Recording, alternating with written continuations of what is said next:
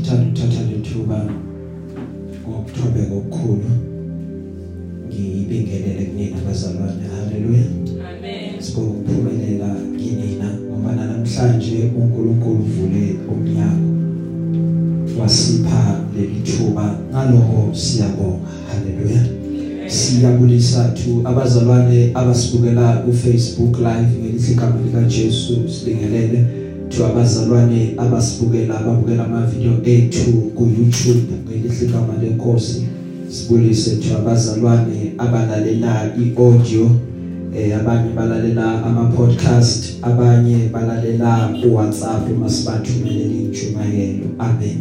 Sithi sengathi inkosi yomusa inganibusisa nonke kanye nemndeni yenu siyabonga ukuthi njalo umyalezo uyafinyelela kunina and njalo inkosi iyasikhulisa njalo kukhona esikufundayo each and every Sunday ngokusizwa inkosi. Amen.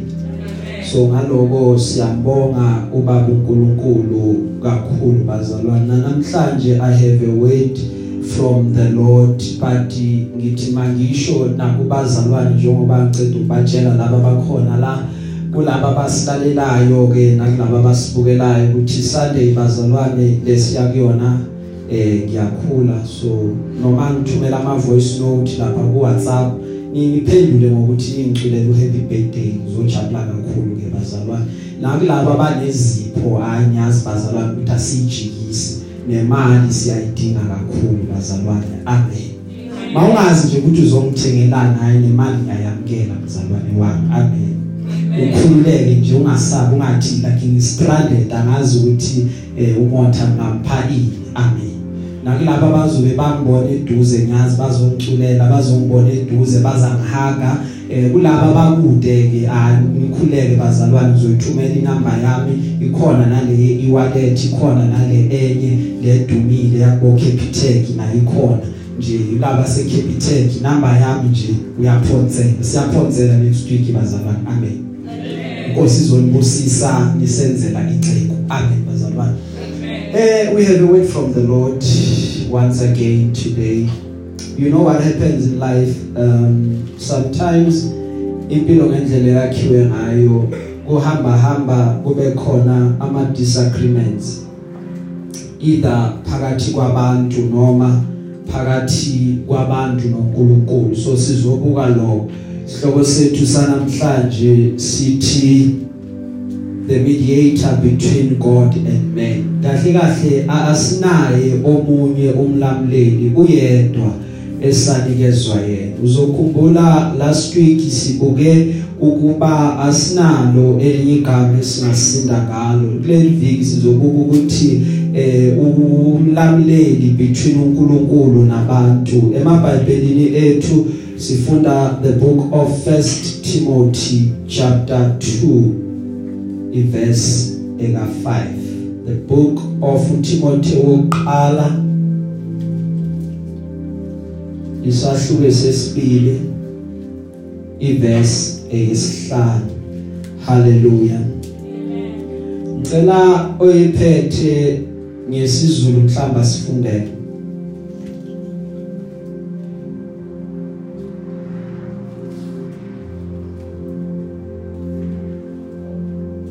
akekho okay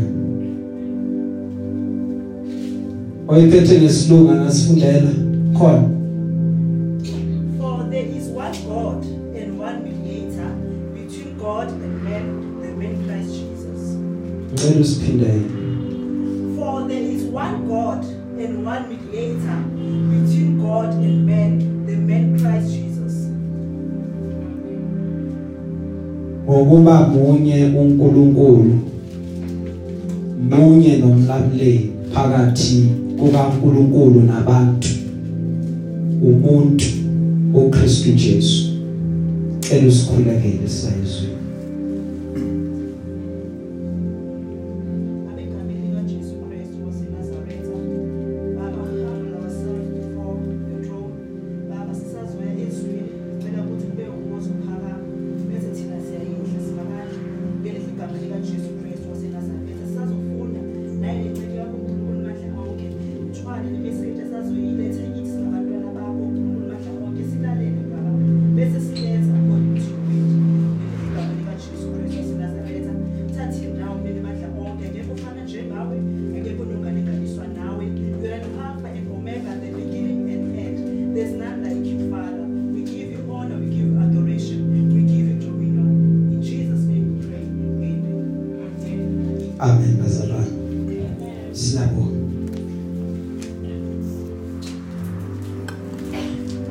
ake sithi munye umlamleli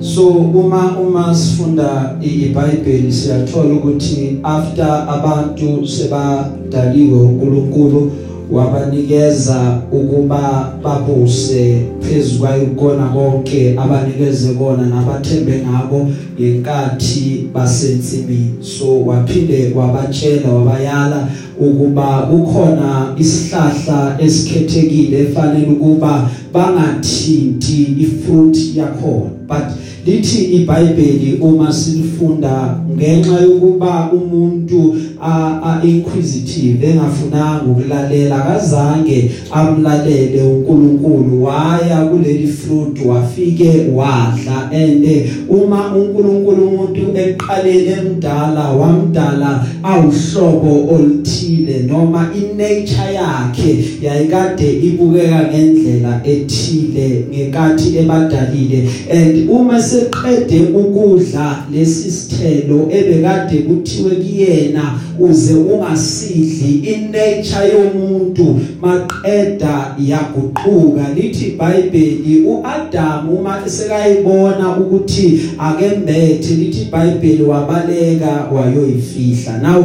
ngiyacabanga ukuthi uma ehamba ayoyifihla wahamba ayoyifihla esikhathini sasa sekuseni sasemini uAdam ngoba lithi iBhayibheli belithi langa maselehla ilanga mase kuyoba into isikhathi santambama bese uNkulunkulu ehle azokhuluma noAdam azohlanganyela noAdam ensimini yaseEdeni. But ngalelo langa uma ehla uNkulunkulu ebuka uAdam yazi ukuthi uAdam ngithi mangifika ngimthole sekangimele wathi uyafika uNkulunkulu wangamthola uAdam waqeda wabuza umbuzo uNkulunkulu ukuthi Adam kuphi na? Waye ungekho endaweni yethu yokuhlangana? uAdam waqale wathu because sekunento kuyena ayibonayo ukuthi akusasiyo le uNkulunkulu ebekade angenze ukuba ngibe ngayo. So I cannot go before him ngiyoyipresenta before yena. Ngoba manje sekune shame kimina ngoba ngibona ngihambaza.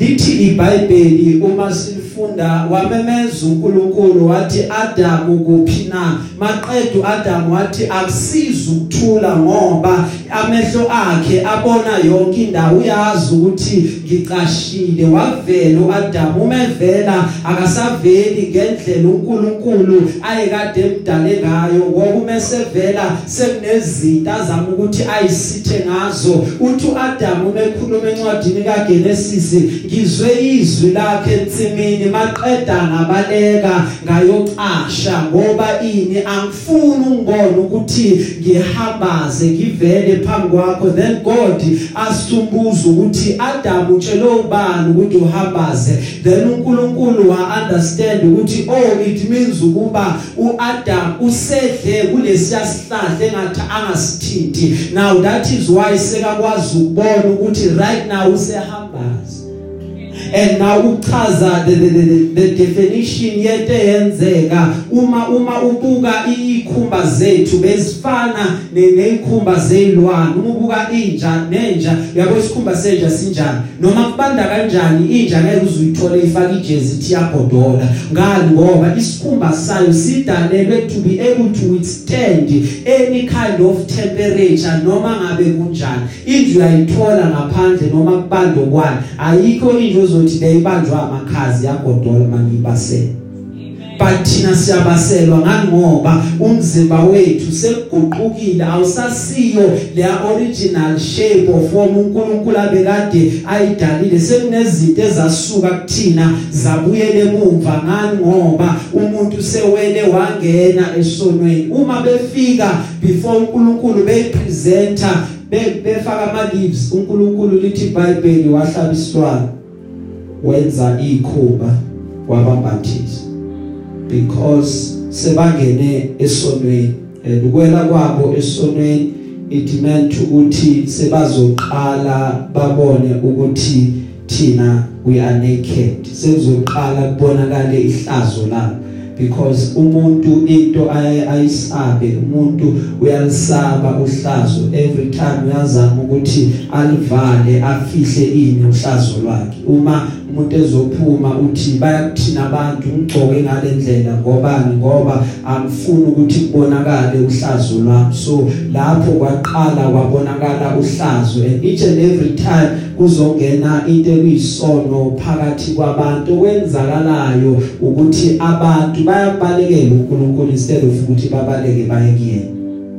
Every time umuntu afuna ukungena esonweni into ayenzayo umezoxabana noNkulunkulu uyasuka from inkosi asuke ebukholeni abalekele kwenye indawo. Sikhuluma nje kukhona abantu abasuka enkosini. Abanye solo bahamba bagcine ku lockdown abaphindanga bahlanganyela ngani ngoba sebasukile enkosini they don't see the significance yokuphinda bahlanganyela abasaboni isidingo. They, they, they see ukuthi ukuhlanganyela has lost in irrelevance. Akusena sidingo ubona amen.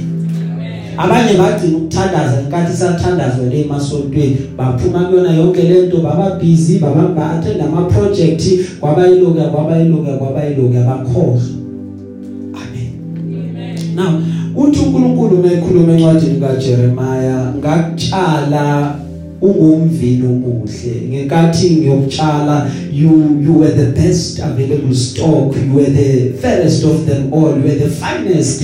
Uma ngisuka ngiyokutshala but now i have a question ukuthi sewuphenduke nini? Sewuphenduke nini? Waba umvini omubi waba umvini wabezizwe. Sekwenzakaleni kuwena? Because mina ngenkathi ngucreator nangenkathi ngutshala ngakutshala ngazi ukuthi you will only produce the finest and only the good and the best.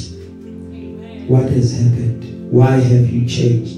Into enza ukuba abantu baguquke uzothola ezilokusihamba siqhubeka ukuba inhliziyo yomuntu lithi iBhayibheli inhliziyo ingumkhohlisi ubani ungayazi inhliziyo iyakwazi ukuthi ikhohlise kuzona zonke ingxabano ezikhona kuona onke ama conflict ongawacabanga abantu bashaywe inhliziyo ukuthi angimdingi lo yamuntu right ngalendlela so angincenge umuntu leyo nto leyo yini inhliziyo yakhe ebekade yenza njani lokhu ihamba hamba emkhohlisa angithi noIsrael ezohamba no no no no Moses lithi iBhayibheli uMoses wayocela uNkulunkulu wathi Nkosi hamba nathi eh siye ezweni lesethembiso. But lithi iBhayibheli uMoses wakhuluma uNkulunkulu wakhuluma lamazwi wathi kuMoses Moses anginaka hamba nani ngoba lolu hlobo lwabantu nenhliziyo ezilikhulu uma ngahamba nabo ngiyobabulala endleleni.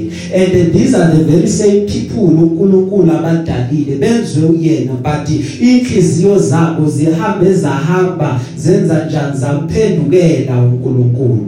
Angithi uyakhumbula noMoses ebatshela labantu ukuthi uma beyolanda imana ngoba bakhala ngendlala bakhala ngokuthi balambile lithi iBhayibheli wathi uMoses thathana okulungene usuku olulodwa. But lithi iBhayibheli abazange bamlalela uMoses bathatha ngokuningi kwenzakalani imana yabola ngoba isikwa sihamba hamba sibole bathuma bebona babona sesigcwala impethu bathuma bebona babona ukuthi ha sekuyanuka. Bathuma bebona ilanga laphakama liphakama lasishisa lesisinkwa sasha lesisinkwa maqeda lithi iBhayibheli uMose wabathukuthelela ngobani? Ngoba batshelile ukuthi ningathatha okuningi. Babona ngokungalaleli bathatha okuningi.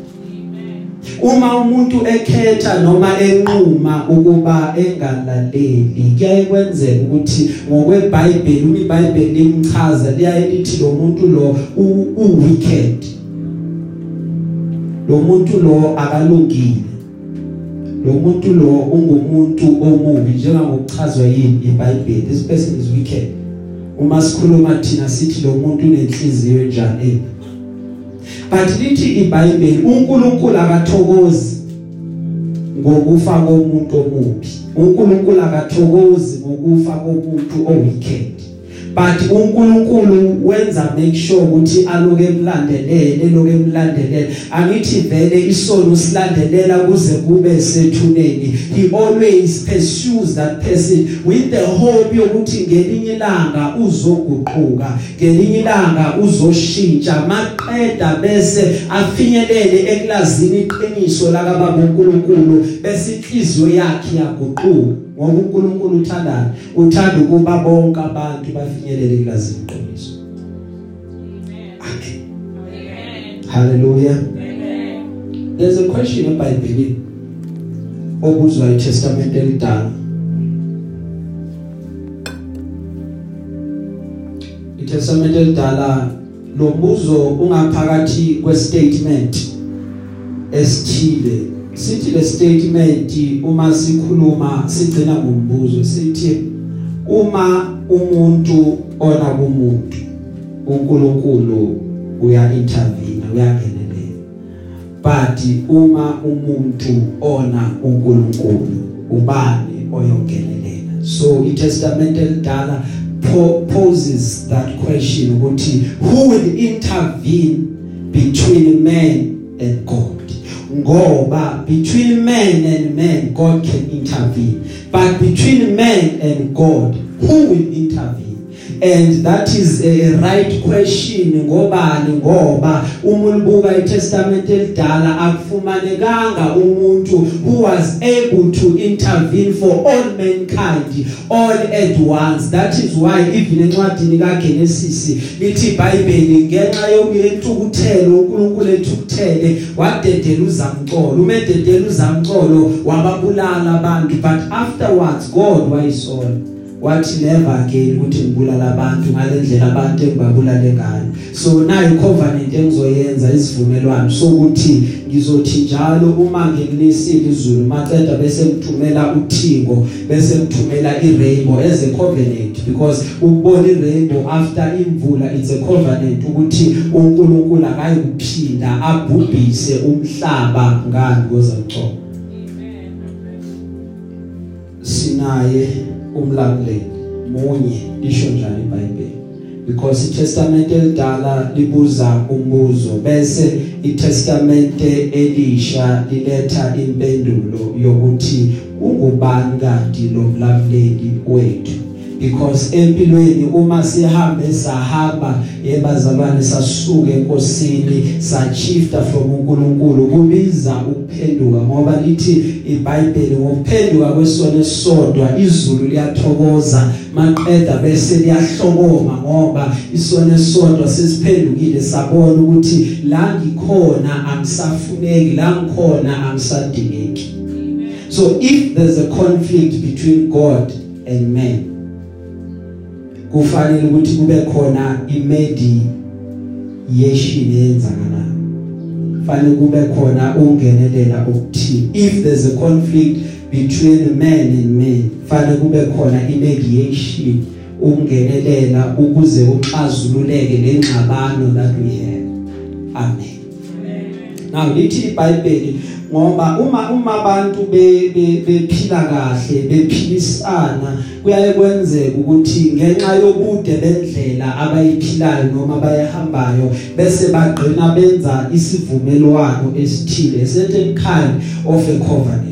Now uma uNkulunkulu ebuke abantu nanokuhamba nanokuphilisana nabantu lithi iBhayibheli uNkulunkulu naye here to form a certain kind of a covenant. Now icovenant le awayifoma okuyicovenant yokuqala ibikade ibiza igazi. The first covenant costed ibloodshed ukuthi uchitheke igazi ngoba ngaphandle kokuchitheka kwegazi it meant ukuthi icovenant kahle kahle ayikho ngoba wathi Moses esekukhulumile kona konke maqeda wathatha igazi lamathole nele sembuzi kanye namanzi noboya obomvu nehisopi maqeda wafafatha wafafaza incwadi kanye nabantu bonke ethi lokhu kuyigazi lesivumelwano. Yilona leli gazi ifanele ukuthi nihlale nilikhumbule ukuthi there was a covenant that happened between nina noNkulunkulu. There was a covenant that happened between Israel and God.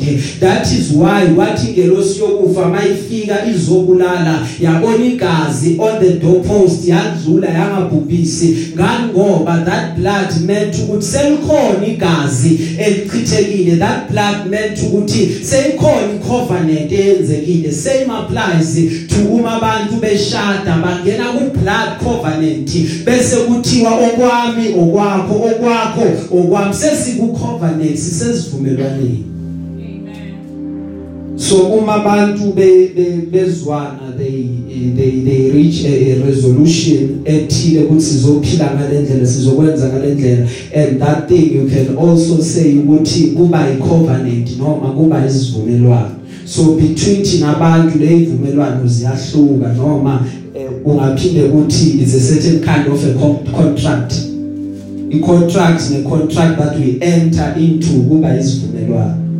And once you break the contract it meant ukuthi that contract costed something. Kuba khona ama replications azokulandela ngoba ngoba usuphula isivumelwano befanele ukuthi ungasiphuli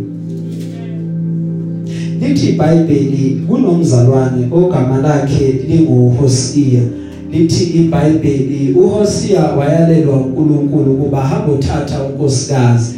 Lo nkosikazi beyangaphili right lo nkosikazi lithi iBhayibheli bekayithengisa but lithi iBhayibheli wathi uNkulunkulu uqhubeka umpheshuwe lo nkosikazi wampha inhliziyo ukuthi hamba uyomlanda noma esebheda kanjani. uHosea waluke eqhubeke njalo eyomlanda lo nkosikazi aluke embuyisa athi wena unkosikazi wamaqeda. Bese lithi iBhayibheli uNkulunkulu akhulume kuHosea athi njengoba wenza kulo nkosikazi nami ngiyokwenza kuIsrael ukuthi noma uIsrael esengifla ngiflathele kepha ngiyakubuyisa ngothando. I will keep on pursuing uIsrael because why? Nakumina ufana nonkosikazi wami njengakuwe lo nkosikazi wakho efana noIsrael. Amen haleluya amen sinaye omlamleli uJesu igama lakhe. Haleluya amen now lithi iBhayibheli ngithe kuwe inkinga yabantu is the matter of the heart inhliziyo. Eh into into eziningi zimoshakale on our hearts. Eh uma uma ukhuluma umunye uthi yazi enhlizweni yami nje kwavele kwathi cifi sengiyeka yonke into angisafuni next. But kulabo nakala khona because yonke into yonakala kuphi enhlizweni. Uma uthi uyangithanda kuyaye kuthiwe ungithanda ngenhliziyo but kufika isikhathi la sewuthi uyangizonda khona ungizonda ngani ngenhliziyo yakho? Because sewu decide ukuthi ngiyamzonda lo muntu. So anytime uzwa okuthile ngami inhliziyo yakho seyaguquka lokho bekade ijabula ukuzwa ngami lokho bekade yenama uma kukhulunywa ngami. Kepha manje soyakwata ubuso bakho sovala amagaraji so uyafrawula manje. Why? Because inhliziyo yakho seyivalile towards me. Uthando lolebe unalo is gone awusanalo. Why? Because you've had a change of heart. Athi uNkulunkulu mekhuluma ezwini lakhe khona efanele ukuthi ngizokwenza phakathi kwenu. Ngizofika phakathi kwenu ngikhiphe inhliziyo yelitshe maqeda bese ngifaka inhliziyo yenyama. Because kufanele kuba kube khona ukuguquka okwenzakalayo kufanele kube khona i-change kimina so ayizukuba khona if you still carry that heart of stone but you need the heart yenyama so that lokuguquka kuzoba khona. So that ungazoba nabantu ozothi loya angimpiwe loya ngimfuni loya kunjani njani but uzobathanda abantu. Amen. Amen. Sinayo umlamleli uJesu igama So the, the, the, there are quite a number of things that we, we, we need to be mindful of because eyokuqala yini inhliziyo is the heart. Number 2 into efanele ukuthi sibe mindful of noma sinake whenever we are dealing nabantu whenever we are dealing with ama covenants esingena kuwona nokwenza izinto ukulalela because uma singenako ukulalela inako kuyalimaza lokho imagine abantu befika kuwena bezokutshela into. Hayi siyaxolisa ngaloko kwenzekile lana lana la uthi angifuni ukuzwa next. Uthini ngamanye amagama? Uthi i'm not willing to ukulalela athi uhlabelelayo uNkulunkulu uyalalelwa noma isimo senze njani? Singavu uyamlalela kusho ukuthi unendlebe ukuthi inkosi oh ukhuluma lo ake ngikuthi so into ethi leyayishaye kakhulu ukuthi indlebe yokulalela asibi nayo. Athi uma ebhala incwadi yezaga uSolomon ntotana yami lalela amazwi akho ubeka indlebe yakho kubona konke ukukhuluma kwami because ukulalela amazwi ami njengendodana yami kusho ukuthi indlela yakhe iyaphumelela ngoba lo engukhuluma yiloko okudingayo. Kepha bonke laba bangalalelanga bayabonakala ukuthi lo azange azalalele. Ugcina sekayisola naye athi kube ngalalela had i listened ngabe impilo yami ayisengalendlela haleluya lithi iBhayibheli sinaye umlamleli esinikeziwe yena. Now lithi iBhayibheli emva kokuthi afe uJesu wabuye wanyuka. And then wayothola iposition eduze kwakababa. Wahlala at the right hand of the father. Akagcinanga ukuhlala kuphela but lithi iBhayibheli njengoba ahleli ngakwesokunene sakababa uNkulunkulu uyasinxusela he intercedes for us.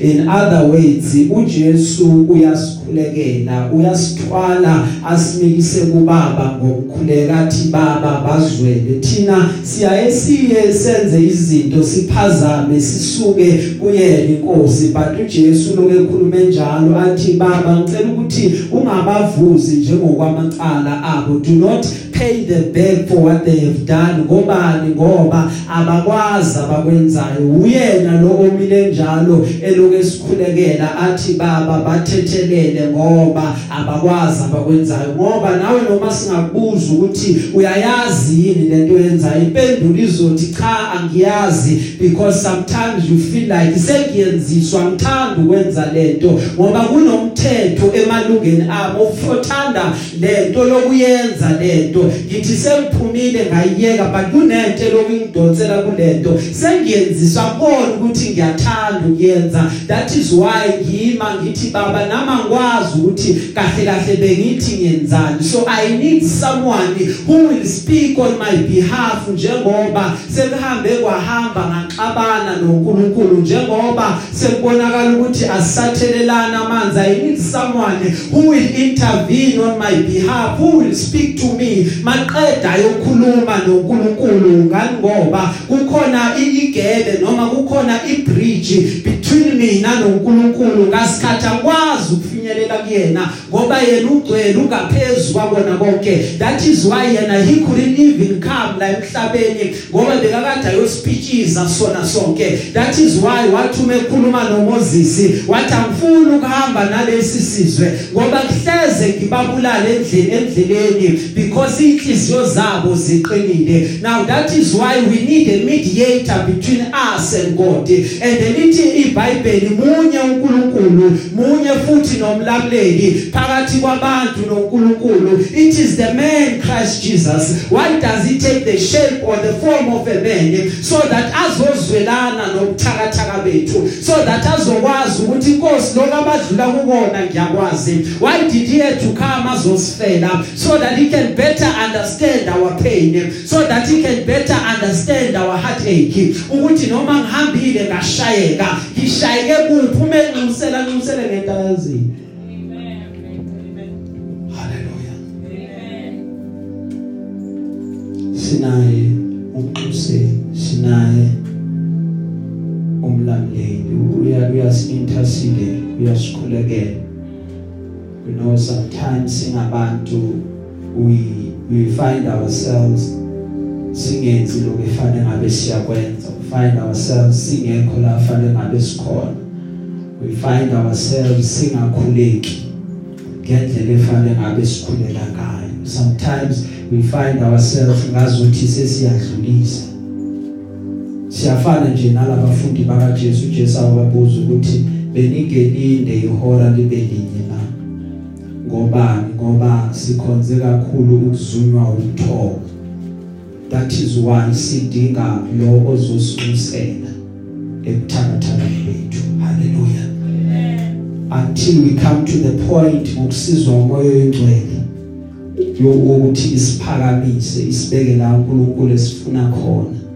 We need ukuthi uJesu lokuqhubeka njalo isiqhubela akazi ukuyeka yena uqhubeka asiqhubela because nakuthina ilevel iya iya iyaphakama ilevel thina iya iya iyaphakama ilevel thina ayidropi but it keeps on going higher. Why? Because uyabona umuntu obhekene nezikhathi ezinzima indlela athandaza ngayo nothandazela uphume ezikhathini ezinzima akafani nalothandaza ngendlela uma yonke into ihamba kahle. Kuba khona umehluko because lo wama difficult times or wama heartache uyacabanga ukuthi Nkosi uma ungayenzi indlela akekho noyedwa umngani kulabe nabo noma abantu engibaziya abangayenza indlela. So indlela athandaza ngayo is a very faithful one. That is why bathi yabona ezibhedlela the corridors waseyibhedlela have seen more faithful prayers than emabandleni.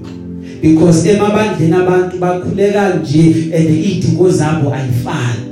Omunye ukhuleka ngoba kusekuthiwe asikhuleke nawe uyakhuleka but lo khuleka esibhedlela is a faithful prayer. God intervene because why? Labo baneyinkinga ezibabambile.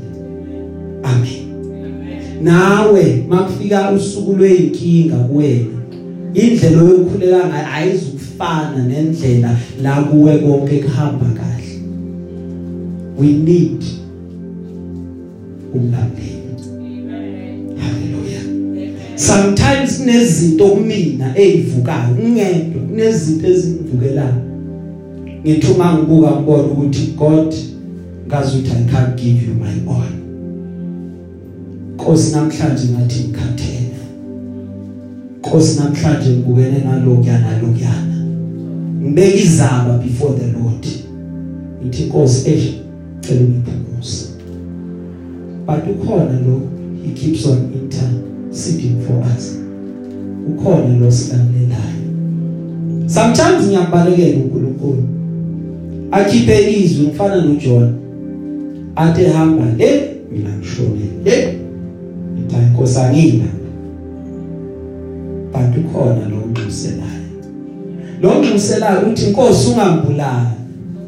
Kuye kuye ngiyithole sengena esiswini senhlanzi ngithi phelile ngami ngiyafa but aluka nqusela baba ungambulali mmekise lapha esiswini ahlala esiswini bese kuba nento kumina ethi phenduka. Bese ngiyaphenduka bese ngiyaphila. Ingoba ukhona lo he intercedes for me. We need the intercessor.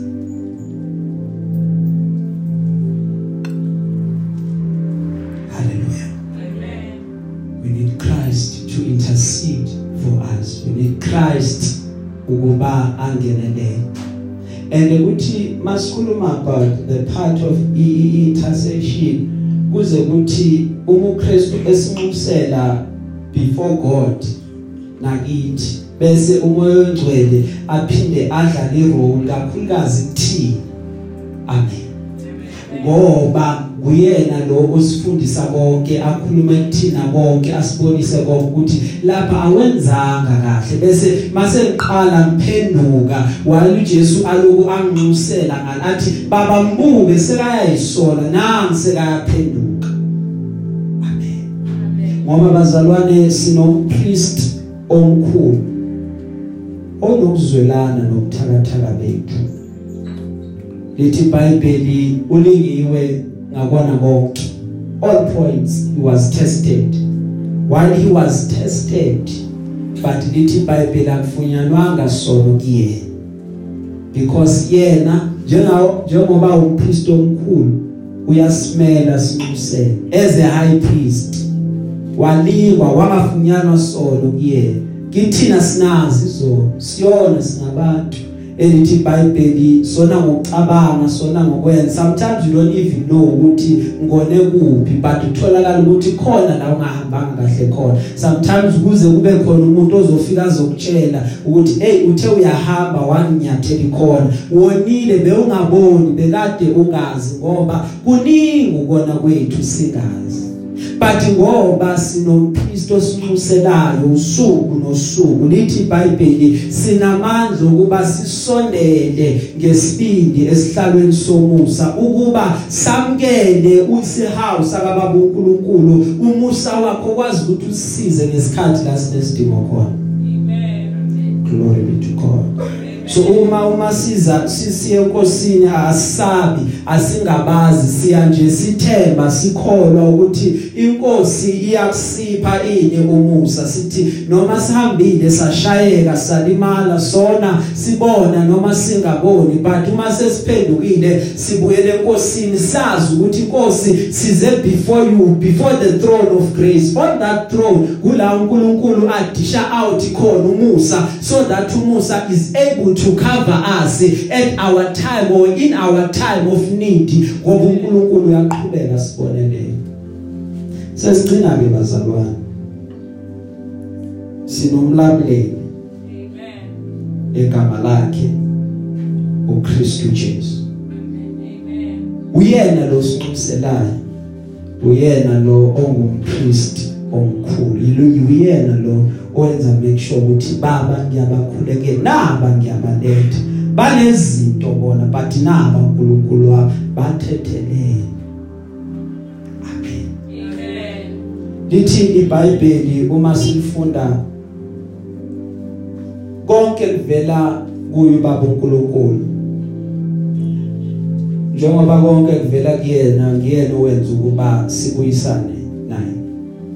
Wathumela uKristu ukuba uKristu azoba the extended hand or extension yakhe yokuthi sibuyisane naye haleluya Amen. wenza ukuba izwe lonke libuyisane nabo naye so that angababaleli iphambeko noma amacala abo thina uma sibuyisana nenkosi uNkulunkulu akasibaleli ukona kwethu akathi wonile izolo so intethelelo yakho angiyamukeli. Uzothe uzocela uxolo kwakho angikwamukeli. But uNkulunkulu uyakwamukela ngani ngoba he had already took out his son as a form of redemption so that his son ayosihlenga ezonweni zethu asikhokhele kuwona onke amaqala esiwenzile so that masifika kuyena sizothi baba siyayivuma zonke izono zethu sizobuyisana nawo maqeda bese uyasamkela ngoba yena ufana nobaba wendodana yolahleko. Lithi iBhayibheli ngenkathi iphuma yaphuma iqhuba izimpi iqhuba yonke into yahamba nje igcwele iphethe okuningi but uma isibuya lithi iBhayibheli yabuya ingaphethe lutho. If bekade kungomunye umzali beyangathi angikwazi ukuthi ngikwamukele. But lithi iBhayibheli uma silifunda ubaba wavula izandla waqeda wamamkela wathi uyindodana yami ngiyakuthanda welcome home. Maqeda wathi mgqokiseni mabaqeda ukumgqokisa wathi preparani a feast so that indodana yami izodla. Lithi iBhayibheli indodana endala yathi baba ufunani lo udukanezwe wayo lokumlandelela kangaka umnakeni ngoba wathatha impahla yakho wayoyimosha but lithi iBhayibheli wathi lo indodana yami ubekade efile manje useyaphila. The only thing i'm grateful for ukuthi usekuyile ekhaya. Azange ambalele amacala akhe azange ambalele ukona kwakhe but wamamkela ngothando. Amen. kwamenza ukuthi abe yisoni engasazi sono ngenxa yezono zethu. Ngoba sonile thina wathi kuzoba i-replacement for thina so that kuzoba khona ukubuyisana between thina and God. So bengizothi asibuyisane noNkulunkulu namhlanje. Mhlawumbe uyibuka impilo yakho uyabona ukuthi khona la ningabuyisananga nenkosi. Mhlawumbe uthi uyibuka ubone ukuthi awusathandazi ngendlela ebefanele ngabe uthandaza ngayo. Uthi uma ubuka ubone ukuthi istandard sesehlile khona la sewuwe khona but bengizothi asibuyisane noNkulunkulu osukwini lwanamhlanje ngoba uNkulunkulu uvule izandla uNkulunkulu uvule umnyango ukuba ungene kuyena. Uzothi Nkosi asibuyisane. Noma ngabe uthi mawubuka izono zakho uthi sezibovu but lithe iBhayibheli wozani sixoxe indaba noma zibovu okwegazi ziyahlanzwa zibe mhlophe. So uNkulunkulu namhlanje usavule izandla. Umnyango womusa usavulekile ukuba ungene. Mawuqeda ungena bese uyasindiswa. Maqeda ungena bese uthola ukuphila ngani ngoba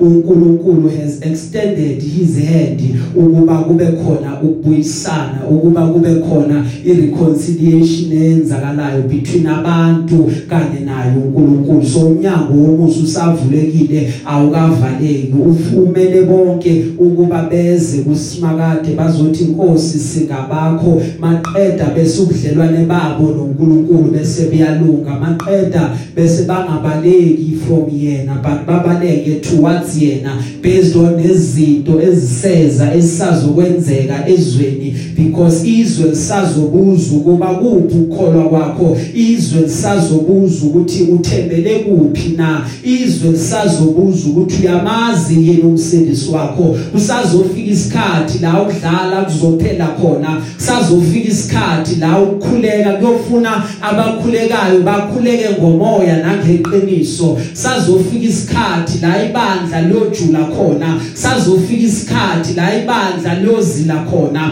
Likiyeke konke lokunye maqeda lihlale lithi sizofuna inhliziyo kaNkuluNkulu ngezinto ezenzakalayo around us emhlabeni wonke. Kusazofika isikhathi esiyovivinya ukukholwa kwethu. La siyobuzwa khona ukuthi where is your faith? Do you really believe in God? Or bophelezela baya khona yini? Amen. haleluya Amen. uzothi bambelele ekukholeni kwakho ungasuki ungayeki ungadedi ungahlehli but hlala uthembeke kubaba uNkulunkulu. Sekwenzeka konke ziprepare uyilungiselele uthi inhliziyo yami mayibe in line with your will and your word mighty father. Nala ngenzanga kahle khona Nkosi ngibuyise ngothando ngikumntanakho angizuphika izono zami angizukuyibhabhatha noma ngifake ngaphansi kwecarpet nala ngonile khona but ngizovuma so that ngithethelelwe ngoba injongo yami ukuthi ngigcine ngikubonile wena uNkulunkulu ongaphezulu kwabona konke. Amen. sengcina ke bazalwane kuthiwa kunomunye umama. Lo mama ubekade ashade nomunye ubaba. Umeshade nalo baba kuthiwa lo baba bephuza umephuza azasikhohle negama lakhe.